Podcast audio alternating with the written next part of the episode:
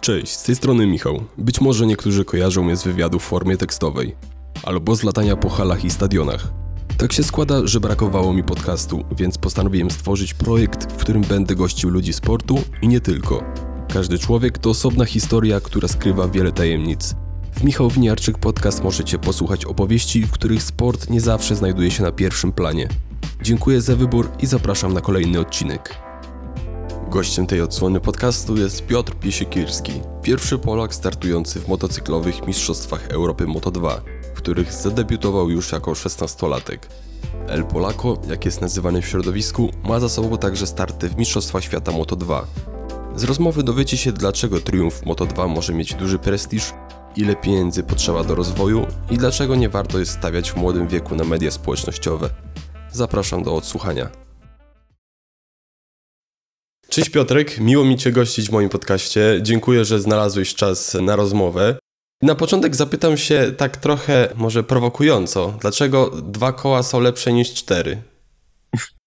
Dla mnie jest to trochę taka różnica, że kiedy jedziemy samochodem, to jesteśmy, można powiedzieć, takim centrum dowodzenia, mózgiem wszystkiego. Podczas jazdy na motocyklu jesteśmy też, stajemy się trochę tą maszyną. Bardzo duży wpływ ma praca ciałem na to, jest też bardzo dużo ruchu, jesteśmy bezpośrednio dotykamy asfaltu. Jest to też sport, gdzie zawodnik ma dużo więcej do powiedzenia, więc nawet jeśli nie mamy najbardziej konkurencyjnej maszyny, to wciąż możemy walczyć o jakieś fajne wyniki. Czym zaintrygowały Cię motocykle, gdy wsiadłeś na pitbike'a lata temu po raz pierwszy? Skojarzyło mi się to szczerze mówiąc trochę z takim windsurfingiem byłem na windsurfingu odkąd byłem mały i zawsze frustrującą rzeczą było to, że jest się zależnym od warunków pogodowych, a na motocyklu tak długo jak po prostu było relatywnie ciepło i sucho, to można powiedzieć było, było tak, jakbyśmy na windsurfingu cały czas mieli idealny wiatr, ale mniej więcej podobne uczucie, taki flow w cudzysłowie. Kiedy poczułeś, że to jest to, że jakby motocykle to jest to, w czym chcesz żyć i to jest to, w czym czujesz się dobry? Ciężko mi jest na to odpowiedzieć. Myślałem sobie o tym niedawno, nawet kiedy ja właściwie stwierdziłem, że będę w ogóle jeździł w motocyklach. Tak już pełnodatowo, można powiedzieć.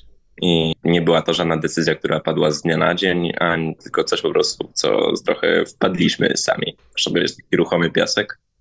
I jak pytałem się rodziców, czy może oni pamiętają w sumie, kiedy zdecydowaliśmy, to powiedzieli, że właściwie to też nie pamiętają. To wszystko wydarzyło się tak stopniowo, strasznie szybko, bo około pół roku ale bardzo stopniowo. A pamiętasz moment, w którym zdałeś sobie sprawę, że jednak masz talent do tego? Pamiętam moment, w którym zdałem sobie sprawę, że nie mam talentu do tego, ale na tyle dobrze się przygotowuję, że naprawdę zauważyłem, że jestem konkurencyjną. No tutaj sobie żartuję trochę. Myślę, że są niektóre sprawy na motocyklu, których nie do końca ogarniałem. Miałem taki rok, gdzie ciężko było mi robić postępy przez to, że nie do końca wiedziałem nad czym pracować. Teraz to już wygląda inaczej, dużo lepiej się czuję i to, co sobie wypracowałem ostatnio, to taką dużo lepszą intuicję, czyli już nie muszę specjalnie pracować z danymi, tylko jestem w stanie sam więcej rzeczy poprawiać podczas jazdy na bieżąco, a nie muszę zjeżdżać i porównywać danych, więc to zauważyłem ostatnio. A jeśli chodzi o taki, można powiedzieć, właśnie talent do, do motocykli, to uważam, że mam bardzo dobrze pracujemy z zespołem i, to też właśnie słyszałem od wielu inżynierów, czy no, od każdego inżyniera, z którym pracowałem, że bardzo lubią to, że daję im precyzyjne informacje, że od razu robię to, o co mnie proszą. Więc myślę, że tutaj moja największa przewaga polega na tym, e, że słucham po prostu. Z tego, co się dowiedziałem, to twój brat jest związany z motocrossem. Był przez około 2 czy 3 lata. Potem zmienił trochę kierunek, teraz studiuje. I tutaj też bardzo dumny jestem z mojego braciszka starszego, który właśnie studiuje fizykę oraz inżynierię chemiczną. Zadałem to pytanie, bo zastanawiałem się, czy może motocross się nie, nigdy nie kręcił. Ironicznie ja zaczynałem w motocrossie, ale nie podoba mi się aż tak bardzo.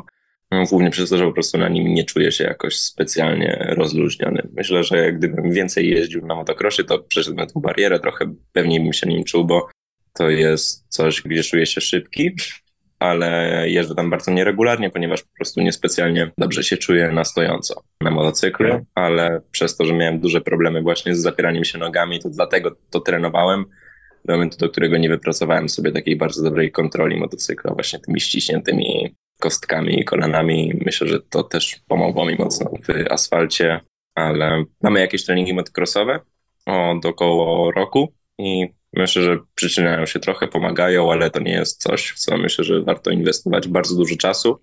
Chyba, że ktoś już od małego jeździ w motocrossie, wtedy uważam, że jest to naprawdę fajny sposób na trenowanie do asfaltu. No ale właśnie jeśli mamy ten wysoki poziom, żeby faktycznie można było przekładać jakieś wrażenia z jednej dyscypliny na drugą.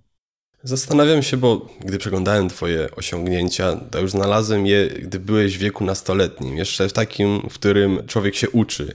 I zastanawiam się, jak łączyłeś edukację z wyjazdami, bo jednak środowisko jakby tego wielkiego motorsportu, no to to nie jest w Polsce raczej. Jak jeżeli chcesz się rozwijać, no to musisz gdzieś wyjechać za granicę. Z tego co wiem, to ty tak teraz ze mną rozmawiasz, jesteś jakoś blisko związany z Hiszpanią tam też od, tak od lat spędzasz, więc to mnie ciekawi, jak łączyłeś edukację z pierwszymi startami i też czy na tym pewnie siłą rzeczy ucierpiały takie relacje, co nie, czy ze, zwykłymi znajomymi, czy ty jeszcze masz jakichś takich właśnie zwykłych znajomych, z którymi możesz pogadać nie na tematy motorsportowe? To trochę się pojawiło, ale w sumie bardzo fajne pytanie. Więc tak szybko odpowiadając, to faktycznie tak ja mieszkam w Hiszpanii od kilku lat. No i jeśli chce się coś poważnego zrobić w motorsporcie, no to to jest trochę wymagane. Hiszpania albo Włochy są taką opcją, ale głównie przez to, że jest po prostu lepsza pogoda, która pozwala nam trenować cały rok oraz czy 11 miesięcy w roku. No i jest dużo szybkich zawodników. Natomiast w Polsce, co ciekawe, infrastruktura teraz jest lepsza, bo w ostatnich 10 latach w ostatniej dekadzie zostało otworzonych chyba jakieś pięć czy sześć obiektów takich szkoleniowych, tak w cudzysłowie kartingów, czyli torów, które mają między kilometr a kilometr 500.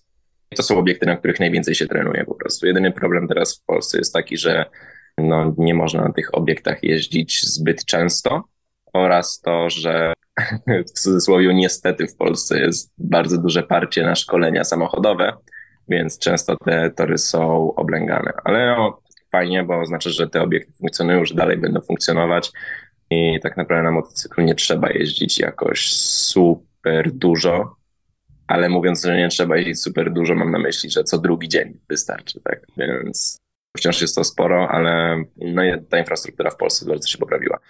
Jeśli chodzi o edukację, to od gimnazjum, od drugiej klasy gimnazjum uczyłem się internetowo maturę napisałem dopiero półtora roku temu i to było przez to, że robiłem dwie trzecie materiału przez e, liceum. To znaczy, że zamiast czterech lat, to miałem wtedy sześć lat tego liceum, właśnie po to, żeby móc się skupić na trenowaniu.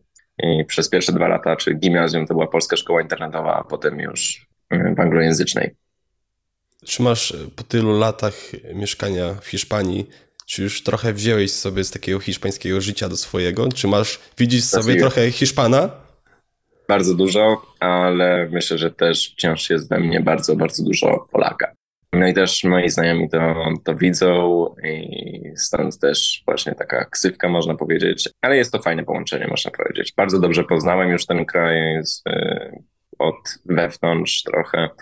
Fajne jest to, że wszyscy są tutaj bardzo otwarci dla takich można powiedzieć, outsiderów, czyli że jeśli widzą, że ktoś jest wykluczony z grupy, to cały czas wszyscy starają się tą osobę dołączyć i no i mi to bardzo pomogło, bo ja miałem z tym problem na początku, ale teraz już zdecydowanie tak nie jest. No i bardzo cieszę się z tego, jakich znajomych tutaj mam. Już strasznie dobrze się czuję w Hiszpanii, ale tak samo dobrze czuję się też w Polsce, bardzo lubię tam przyjeżdżać.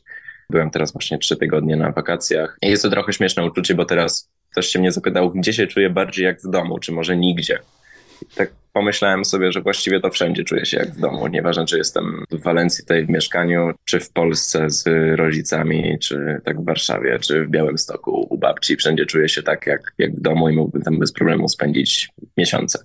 Już trochę napomknęłeś, wspomniałeś o tym temacie, ale ciekawi mnie ten fenomen hiszpańskich motocykli, że jak nawet spojrzymy na MotoGP w ostatnich kilkunastu latach, to te nazwiska największe, Pedroza, Lorenzo, Marquez, Mir, to wszystko, oni są wszyscy Hiszpanami. I zastanawiam się, czy to jest właśnie tylko kwestia tego, że w Hiszpanii jest ciepło i tyle takich młodzików może ćwiczyć, czy na co byś jeszcze zwrócił uwagę, że co czyni hiszpańskich motocyklistów? Jest kilka rzeczy, głównie to ilość.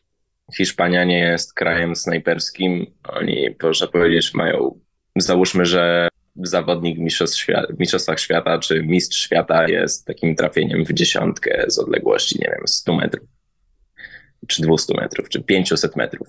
Nie mam pojęcia, nie strzelałem nigdy, więc nie wiem, jaka odległość jest trudna.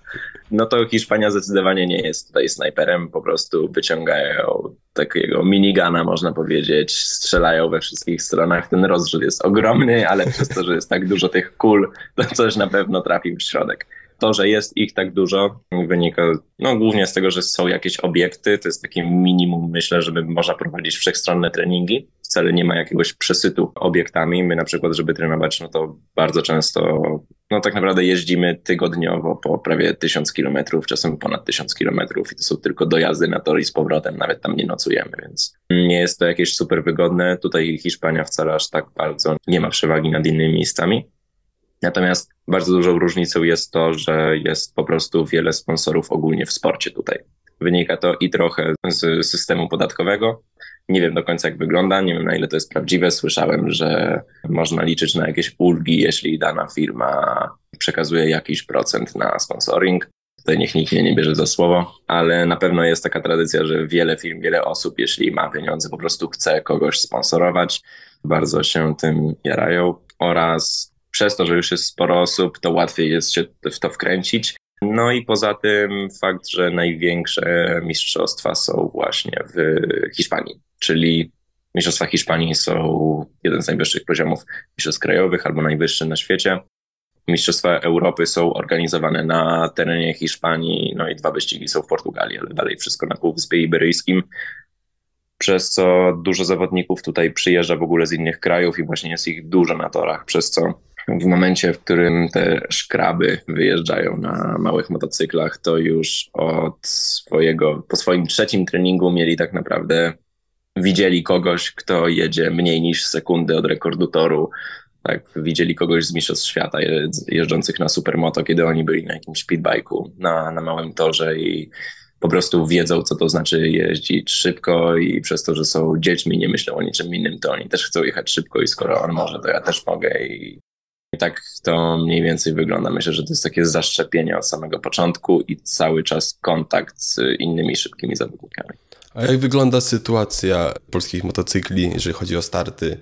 No ja nie ukrywam, bardziej jestem tutaj fanem Formuły 1. Bardziej znam te właśnie klimaty formułowe niż e, motocyklowe i dla mnie ja jestem kompletnie raczej taki nieogarnięty w tym temacie. Czy można powiedzieć, że to jest, jeszcze, to jest nisza, czy to już jest coś popularnego i w ogóle czy no, twój przykład pokazuje, że można się wybić, ale czy można się wybić w Polsce, czy trzeba jakoś szybko już wyjechać z kraju? Z kraju to na pewno trzeba wyjechać, jeśli chodzi o jakieś zawody. Ale no to tutaj mówimy już o, o wyższym poziomie, o takich właśnie wyścigach międzynarodowych, czyli no chociażby Mistrzostwa Hiszpanii są dobrym skokiem, a potem Junior GP, więc tam trzeba by wyjechać. Ale, no, to jest kwestia tylko wyjazdów 7 razy w roku na wyścigi, plus jakieś dwa, może trzy razy testy i tyle.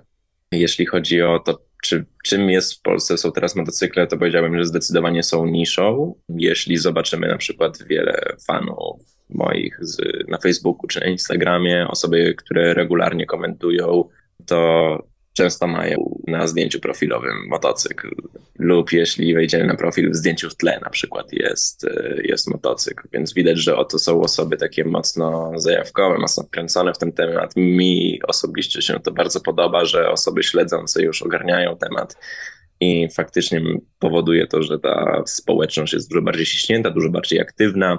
Podoba mi się to, że w momencie, w którym pojawia się coś naprawdę interesującego na stronie, to widać, że to realnie zmienia reakcję ludzi. Takie subtelności, gdzie ktoś w ogóle niezwiązany z motorsportem mógłby nie zauważyć specjalnej różnicy, to tutaj tą różnicę widać, jak na to wszyscy reagują, no co oznacza, że każdy mocno śledzi ten sport, bardziej ogarnia, jest w to bardzo zaangażowany, ale zdecydowanie rozwija się to. Coraz więcej osób myślę, że wsiada na, na motocykl w Polsce. Nie wiem, jak to wygląda, jeśli chodzi o, o motocykle uliczne, ale z drugiej strony, czy coraz więcej osób wsiada na motocykle w Polsce w młodym wieku. Jest teraz bardzo dużo takich osób. Ja na przykład, kiedy jeździłem w wieku 15 lat, to byłem tam jedyny, nie było po prostu nikogo i dla wszystkich to był taki coś, coś mega dziwnego. Wszystkim wybuchała głowa wtedy. Teraz tych młodych osób jest coraz więcej. Myślę, że w dużej mierze tutaj robotę zrobiła Motormania z swoim Kids GP. No ale z drugiej strony jest coraz mniej osób na Mistrzostwach Polski, więc to jest trochę smutne. Natomiast dużo osób z Polski też jeździ teraz w międzynarodowych mistrzostwach, jak na przykład w IDM-ach czy w Alpe Adrii, więc dziwnie to wygląda. Myślę, że to jest takie bardzo mocne wahadło, nie wiadomo gdzie to się skończy, czy dla mnie to jest trochę taka moneta, która teraz kręci się w powietrzu i nie wiadomo na którą stronę wypadnie. Myślę, że może być albo jedno, albo drugie. Jest teraz w tak niestabilnym momencie, że nie sądzę, żeby to się utrzymało w takiej pozycji przez najbliższą dekadę, ale myślę, że właśnie za jakieś 5-10 lat zobaczymy, jak te motocykle będą wyglądać w Polsce. No, oczywiście tutaj mam skrzyżowane palce, żeby było jak najlepiej. Nie ma w tobie takiej trochę sportowej zazdrości, że jednak w Polsce więcej się mówi o tych na przykład seriach juniorskich w formule, e, że nawet Formuła 1 jest znacznie popularniejsza niż MotoGP? Trochę tak, ale też nie. Staram się być racjonalny w wielu rzeczach. Jakby no, Formuła 1 jest czymś, co Polska już wcześniej śledziła z powodu Roberta Kubicy, zanim, czy dopóki on nie, tam nie trafił i no, Szkoda, że skończyło się to jak skończyło, bo wszyscy wiemy oczywiście, że tam Robert miał ogromny potencjał, ale przyciągnął bardzo wiele fanów i myślę, że mnie to bardziej napawa optymizmem niż denerwuje, ponieważ widzę, że sport, który trochę raczkował w Polsce i był na granicy tego, żeby przestali go w ogóle transmitować na żywo, stał się czymś straszliwie popularnym i nawet po tym, jak Robert wyszedł już z Formuły 1, to wciąż bardzo dużo osób ją śledzi. I no więc ja mam zamiar zrobić to samo. Myślisz, że Polak MotoGP by sprawił, że byłby Myślę, boom? że tak. Jestem pewny. Nie wiem, czy tak bardzo jak Formuła 1, ale na pewno ta oglądalność kilkukrotnie by się zwiększyła. No, tutaj oczywiście żadnym specem nie jestem, no ale w przypadku Roberta Kubicy to chyba była jakaś różnica rzędu tam 10 czy 20-krotnie większej oglądalności. Rozmawiasz y, z człowiekiem, który wychował się na Kubicy, który wstawał o 6 rano na Kubicę. Ty w ogóle śledzisz Formułę 1 czy nie? Tak pół na pół. Bardzo lubię Formułę 1, jeśli chodzi o jakieś ciekawostki techniczne, inżynierne, co to się dzieje właśnie ze strony hmm, fabryki w regulaminie, więc niestety ostatnie prognozy niespecjalnie mi się podobają, jeśli chodzi o 2026. A powiedz hmm. mi, mm. jak trafić do Moto 2? Znaczy najpierw, e, bo do Mistrzostw Europy Moto2, ale miałeś też starty w Mistrzostwach Świata Moto2. To już jest chyba ostatni krok przed MotoGP. Jak szybkim być? Późno hamować, nie gaz otwierać. E, myślę, że to jest w ogóle taka ciekawa rzecz, którą zauważyłem w Polakach, jeśli chodzi o różne sporty. Mamy taką tendencję do bardzo dogłębnej analizy i takiego inżynieryjnego podejścia do tematu, rozbicia wszystkiego na czynniki pierwsze i takie bardzo metodyczne wypracowanie tego. Myślę, że to w niektórych rzeczach może pomóc, ale no niestety motocykl jest tak intuicyjną rzeczą, że myślę, że telemetria czy data logging może nawet przeszkodzić nam w wielu miejscach, bo z jednej strony pokazuje, co zrobić, ale z drugiej pokazuje tylko efekt, a nie skąd to się bierze faktycznie. Dlatego myślę, że dużo ważniejsze jest pomoc od osoby, która patrzy z zewnątrz, na przykład jakiegoś byłego zawodnika lub w ogóle kogoś, kto dalej się ściga. Więc myślę, że po prostu fan z jazdy, żeby dobrze się czuć na tym motocyklu, nie przejmować się specjalnie, nie, nie analizować za bardzo wszystkiego i pamiętać o tym, żeby korzystanie z danych czy dodatkowych rzeczy było tylko takim końcowym boostem, tylko szlifierką, ale jakby porównać budowanie naszych umiejętności do strugania czegoś z drewna, czy do pracy, można powiedzieć, stolarskiej, no to szlifierką da radę przeciąć belkę, ale będzie to naprawdę trwać bardzo długo, więc warto wtedy skorzystać z piły, z takich trochę bardziej mniej finezyjnych narzędzi, można powiedzieć, żeby sobie samemu to wypracować, a, a tej szlifierki używać tylko do przecinania kątów, więc myślę, że kluczem tutaj, żeby dojść na, do wysokiego poziomu jest to, żeby wiedzieć, kiedy te sprawy brać na poważnie. Bo też trzeba to robić, ale nie można tego robić przesadnie. A co było takim najtrudniejszym wyzwaniem, gdy dołączyłeś do Moto2? To, że ten motocykl oczekuje od ciebie tylko jednego konkretnego stylu jazdy. Nie ma żadnej adaptacji, trzeba się w 100% przystosować do niego i to, że jest bardzo dziwny balans opon z tego powodu, że one są przygotowane konstrukcyjnie bardziej na superbajki, przez co po prostu przednia opona ma bardzo twardy karkas pod dużo cięższy motocykl, taki z wyższym środkiem ciężkości, więc tutaj nie można tego obciążenia trzymać równomiernie na hamowaniu, przez co ten styl jazdy jest taki odrobinę dziwny, no i bardzo no, nie wybacza po prostu jakichkolwiek błędów. Bo z tego co wiem, to te motocykle są dosyć do siebie podobne. Macie chyba te same silniki, y, tramfa, te same opony. Popraw mnie, jeśli się mylę, może było. Mamy silnik ten sam, co w Triumfie. Czyli to jest silnik Triumfa 765 trzycylindrowy. Bardzo fajny zresztą, odrobinę mocniejszy niż wtedy, jak mieliśmy czterocylindrową 600 ale największa różnica jest w tym, że mamy dużo więcej mocy na niskich obrotach, przez co to też zmienia styl jazdy. Opony mamy od superbajków, które są właśnie dużo, mają twardszą konstrukcję, są dużo szersze. Czy opony to są dedykowane do Moto2, ale oparte konstrukcyjnie na, na superbajkowych. A jeśli chodzi o ramy, no to nie można je porównać do niczego. Jest tak duża różnica między jakąkolwiek maszyną taką sportową, uliczną, że czy bije do tego, czy w samej rywalizacji, w samej waszej stawce, czy te motocykle się między motocyklistami tak, tak bardzo różnią? Wszyscy mamy praktycznie to samo. To właśnie o to, tak. o to mi chodziło. To tam mamy wszyscy to samo. Są jakieś pojedyncze osoby, które jeżdżą na przykład na ramię boską skóro, ale zazwyczaj każdy jest na kaleksie i jedyna różnica jest taka z jakiego roku ma tą ramę, ale jeśli chodzi o hamulce, silnik, opony, nawet mieszanki opon, wszyscy biorą te same, ponieważ na tych Dunlopach można kręcić strasznie dobre czasy, jak są już całkowicie zużyte, więc każdy po prostu bierze tylko największą mieszankę, jaka jest dostępna akurat w danym weekendzie. Czy w tych seriach poniżej MotoGP, na ile mm, wpływ na wynik ma dobry motocykl, a na ile dobry motocyklista? Dużo bardziej niż dobry motocykl, w sensie jakiś nowy materiał, bardzo dobrze przygotowany, ma znaczenie inżynier. I myślę, że tak samo motocykl musi być dobrze ustawiony, musi być dobrze ustawiony w miarę od początku, ponieważ przez to, że ten motocykl tak mało wybacza, to dla kogoś, kto nie ma z nim doświadczenia większego, może być bardzo dużym problemem zidentyfikowanie, czy jakieś niestabilności albo problemy z jazdą wynikają bardziej z prowadzenia, czy bardziej z setupu. Także tutaj myślę, że inżynier gra bardzo dużą rolę, ale też ten motocykl jest na tyle elastyczny pod tym względem na wszystkich obiektach, że te ustawienia nie muszą się wcale aż tak bardzo różnić. Jeśli chcemy wycisnąć 100% z motocykla na każdym obiekcie, to faktycznie te ustawienia będą się bardzo różnić, ale przez to też są inne odczucia z jazdy. Więc tutaj inżynier musi też brać pod uwagę to w jakim stopniu zawodnik będzie mógł wykorzystać ten motocykl. I na przykład, co ciekawe, zwłaszcza w Mistrzostwach Świata, bardzo mało dotyka się motocykli.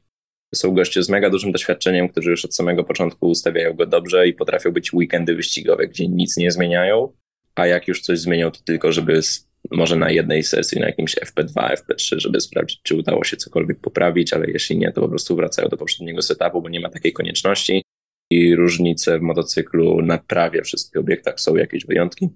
Są naprawdę bardzo małe, przez co to odczucie jest bardzo stabilne i pozwala nam się zbliżać bardziej do limitu, jeszcze wcześniej wykręcać dobre czasy już od początku weekendu. Tutaj myślę, że jest największa różnica w zespole. To, kto nam ustawia motocykl i w jaki sposób z nami pracuje, bo tak samo dużo lepiej jest moim zdaniem mieć ustawienia motocykla, które będą się sprawdzać 9, można powiedzieć, będą wykorzystywać 99% motocykla, ale będą prawie takie same przez cały sezon, niż żeby skupić się na tym, żeby wykorzystać 100% z motocykla, ale cały czas zmieniać straszliwie jego ustawienia.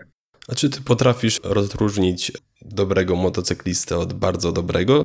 co właśnie czyni tych wielkich wielkimi. Co oni mają, czego nie mają inni motocykliści. Czy to właśnie wszystko opiera się o to, bo często właśnie odwołam się do Formuły 1. Często się mówi, że jakby się wsadziło jakiegoś słabego kierowcę do bolidu Mercedesa czy do Red Bulla, no to on by walczył o zwycięstwa. I tak zastanawiam się, czy to tak samo jest wśród motocyklistów, że czasami widzisz, a ten może słabiej by ode mnie pojechał, ale ma lepszy motocykl. Jeśli chodzi o kiedy ktoś jeździ, można powiedzieć, że mniej więcej w tym samym poziomie nie ma aż tak dużej różnicy, tak jak mówiłem, więc z tymi maszynami nie ma tak dużego podziału. W, MotoGP faktycznie jest dużo większy, ale zależy głównie od marki. Teraz ta stawka jest dużo bardziej wyrównana, ale co prawda Ducati teraz jest na czele, na co tak, mała dygresja, moim zdaniem w 100% zasługuje, ponieważ Ducati było pierwszą marką, która zaczęła słuchać zawodników poza zespołem fabrycznym, czy satelickim zespołom dawała już fabryczną maszynę dla jednego zawodnika i bardzo wspierała wszystkich po to, żeby zbierać dane od jak największej ilości osób, zbudowali ten najlepszy motocykl. No i tak zostało i teraz inne marki się denerwują. Trochę szkoda, rozumiem, fajne jest ta widowiskowość, ale Ducati jakby zasłużyło sobie całkowicie na to gdzie teraz jest. Ale poza MotoGP, Moto2, Moto3 nie ma to aż tak dużego znaczenia. Właśnie sam motocykl w dużym stopniu to są te ustawienia, ta praca z inżynierem, o której już mówiłem, ale to jest też trochę powrót do pierwszego pytania, że jaka jest różnica między dwoma kółkami a czterema, że tutaj zawodnik ma tak duży wpływ na wynik, e, że maszyna tak długo, jak jest w miarę konkurencyjna, no to może ktoś, kto byłby w stanie z najlepszą maszyną walczyć o zwycięstwa, nie będzie walczyć o pierwsze miejsce, ale będzie walczyć o trzecie czy czwarte. Mam takie spostrzeżenie, bo motocykle i ta rywalizacja na torze, ona mi się wydaje taka dosyć czasami agresywniejsza z tego względu, że jakby nie macie żadnej ochrony między sobą. Ja pamiętam taką historię, y, filmik sprzed kilku lat, chyba z Moto 2, gdzie jeden kierowca drugiemu y, pocisnął tak, za... Tak, ja jeszcze nawet widziałem jakieś tak, kompi... Moim zdaniem to powinien zostać w ogóle wyrzucone i nigdy nie dopuszczone z powrotem. Ja widziałem jakieś kompilacje też nawet takich e, brudnych zagrań, jakieś tam widziałem często, że y, motocykliści potrafili sobie tak trochę łokcia sprzedać i tak dalej i zastanawiam się właśnie... Taki standard. No właśnie, właśnie o ten standard chciałbym zapytać, czy to nie powoduje, że w tym waszym środowisku jest więcej tarć, bo ta właśnie ta walka jest taka brutalniejsza i jakby nie macie tak. żadnej ochrony w postaci karoserii samochodu, jak mamy w wyścigach samochodowych, tylko no tam widziałem, że i próby kopniaków były, no to naprawdę czasami też... Bardzo, bardzo się cieszę, że nie ma czegoś takiego jak nielegalne wyprzedzenia. Dla mnie to jest nie, nie, no nie wiem, nie do pomyślenia. Nie, nie wyobrażam sobie tego, żeby się ścigać i nagle ktoś mi powiedział, o, musisz oddać pozycję, bo twoje wyprzedzenie było nielegalne. Więc dlatego też nie oglądam wyścigów Formuły 1. Bardzo mi się podoba poza tym w wielu aspektach, ale samych wyścigów nigdy nie oglądam. Ale w motocyklach faktycznie jest bardzo dużo tych kontaktów. Jest głównie przez to, że motocykl jest bardzo wąski, więc tor takiej samej szerokości jak dla samochodów, więc zbaczamy wtedy tylko odrobinę z linii, żeby kogoś wyprzedzić, więc wciąż jesteśmy bardzo blisko tej poprawnej nitki, tej naj, najszybszej do przejazdu, więc możemy właśnie cały czas być na limicie, cały czas trzymając tempo, jadąc szybko. I motocyklu też jest myślę, że trochę większy margines błędu, czy taka elastyczność w jeździe, Mam wrażenie, że samochód jest taki dużo bardziej powtarzalny, że jeśli ma jakieś ustawienie, jest jakiś tor, to właśnie trzeba przejechać tylko w jeden konkretny sposób. Tak jak mówiłem, Moto 2 też mniej więcej to prosi, ale wciąż wydaje mi się, że jest dużo bardziej elastyczny niż, niż samochód. Już wszyscy się przyzwyczailiśmy do tych kontaktów i tak samo jeśli ktoś nas wyprzedza, no to niby jedziemy szybko, ale względem nas te prędkości są bardzo małe i takim standardem jest nawet jak widzimy, że ktoś jest po wewnętrznej, nawet takie otworzenie trochę ręki, żeby dotknąć jego owiewki i oprzeć się na nim, żeby wiedział, że, że go nie przepuszczamy. No i czasem ktoś odpuści, czasem nie, ale właśnie jest dużo takich sytuacji, że jest bezpośredni kontakt z innym zawodnikiem. Miałeś taką sytuację, że ktoś ci już tak mocno zaszedł na torze za skórą, że Musiałeś sobie z nim pogadać y, po wyścigu?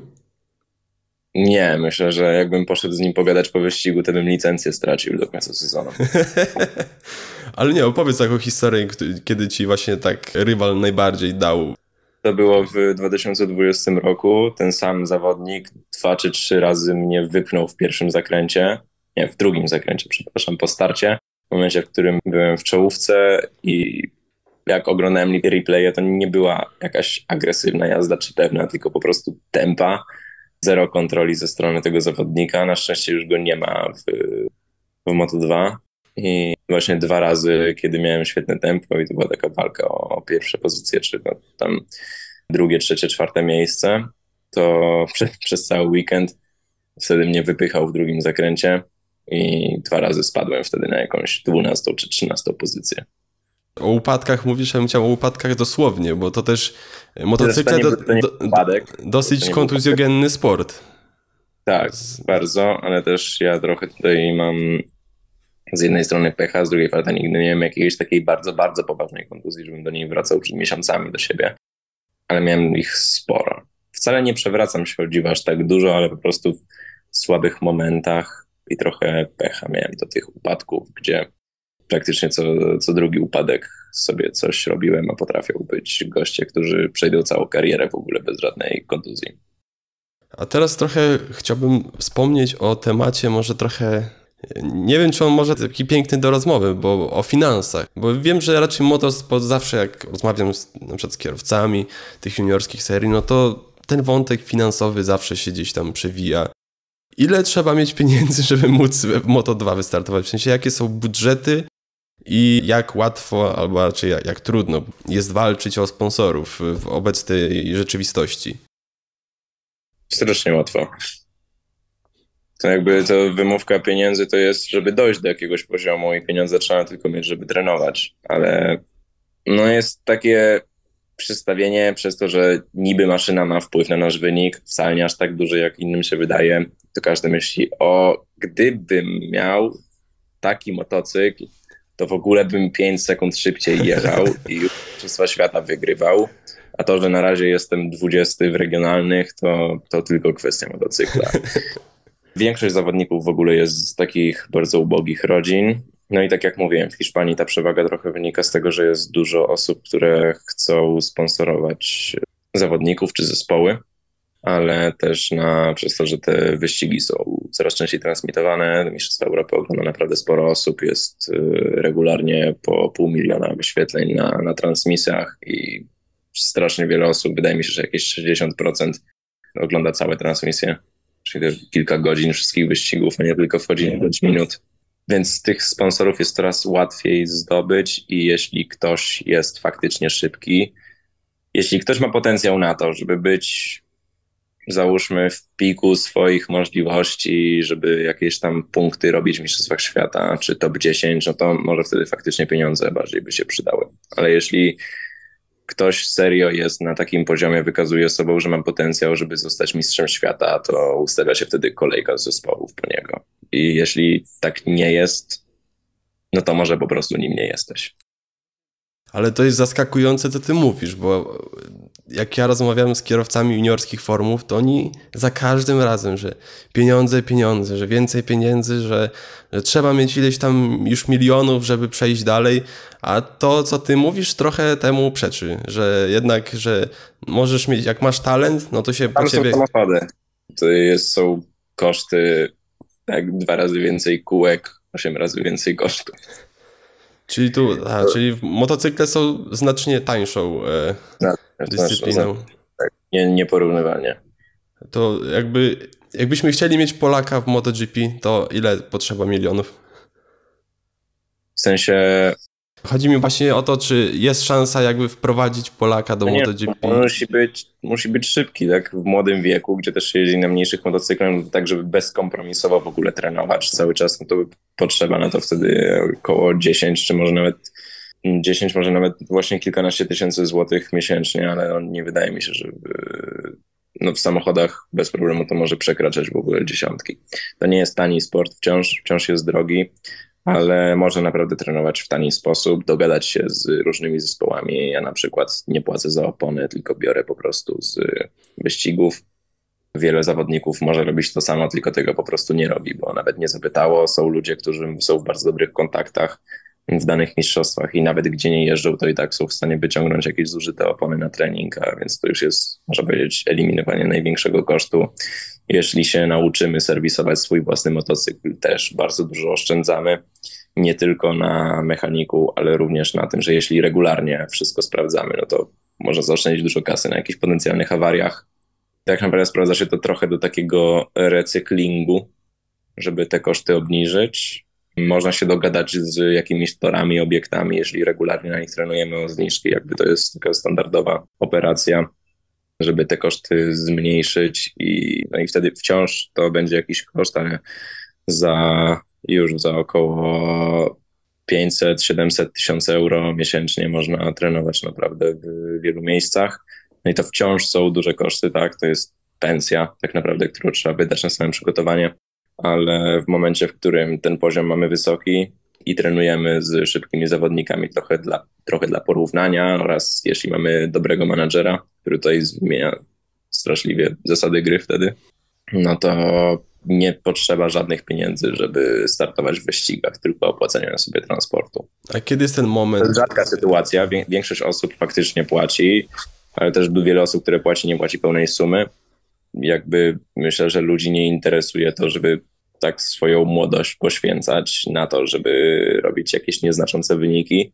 Więc tutaj jakby odnoszę się tylko do osób w czubie, takich, które wygrywają mistrzostwa, w których jeżdżą praktycznie co roku, a zawsze są w top 5. A kiedy jest ten moment, że jazda zaczyna się zwracać, że można zacząć zarabiać na tym?